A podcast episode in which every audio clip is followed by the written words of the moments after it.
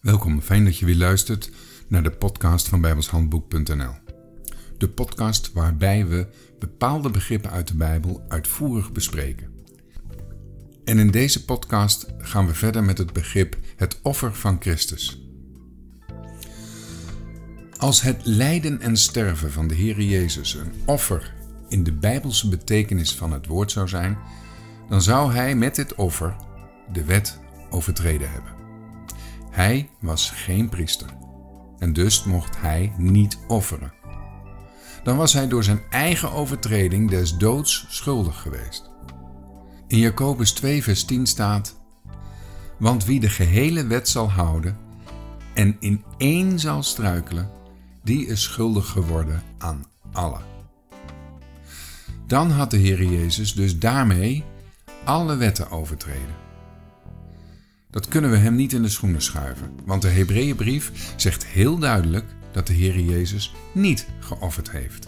Hebreeën 7, vers 13 en 14.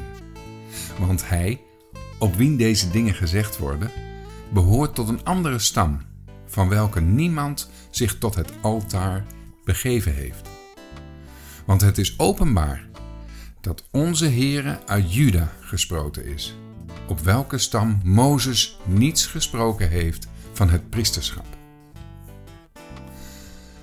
De Heere Jezus kwam uit de stam Juda en daarom mocht hij niet eens een offer brengen. Dat was het werk van de priesters en die waren uit de stam Levi. En hoe offerden zij dan? De priesters slachten bijvoorbeeld een schaap. Ze deden dat niet op het altaar, maar op een slagbank.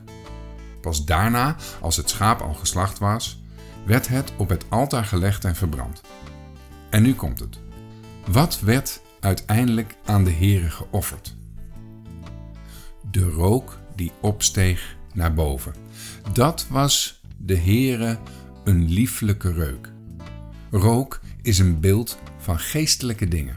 Mocht je ooit nog eens naar Rome gaan, dan raad ik je aan om naar het Pantheon te gaan. Dat is een tempel die aan alle goden was gewijd. Die tempel heeft een open dak. Daar zit een gat in van 9 meter doorsnee. Als daar geofferd werd, was het kennelijk belangrijk dat de rook naar boven kon stijgen. Niet tot het dak, maar tot de goden. Jesaja 53 vers 7 Als een lam werd hij ter slachting geleid.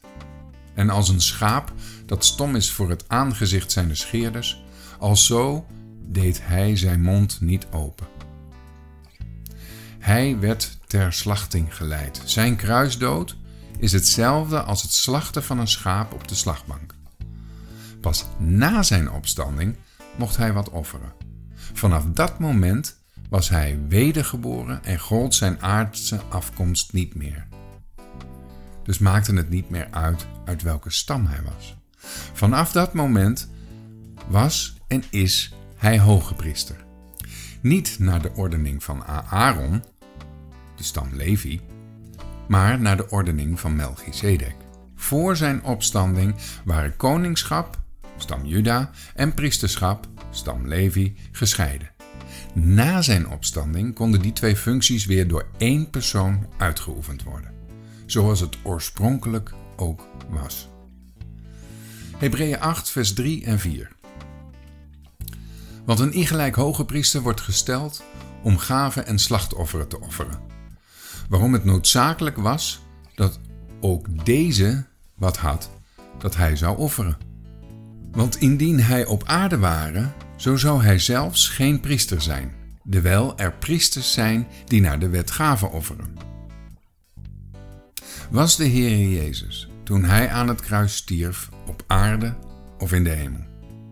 Was hij uit de stam van Levi. Mocht hij dus offers brengen? Nee. Heeft hij dan geen offer gebracht? Jawel, maar pas na zijn opstanding. Toen heeft hij zichzelf geofferd aan God. Natuurlijk moest de Heer Jezus eerst gedood worden, geslacht worden. Anders zou hij nooit dat offer hebben kunnen brengen. Dankzij dat offer is hij de goede herder die zijn leven stelt voor zijn schapen. Niet door zijn dood, maar juist door zijn leven.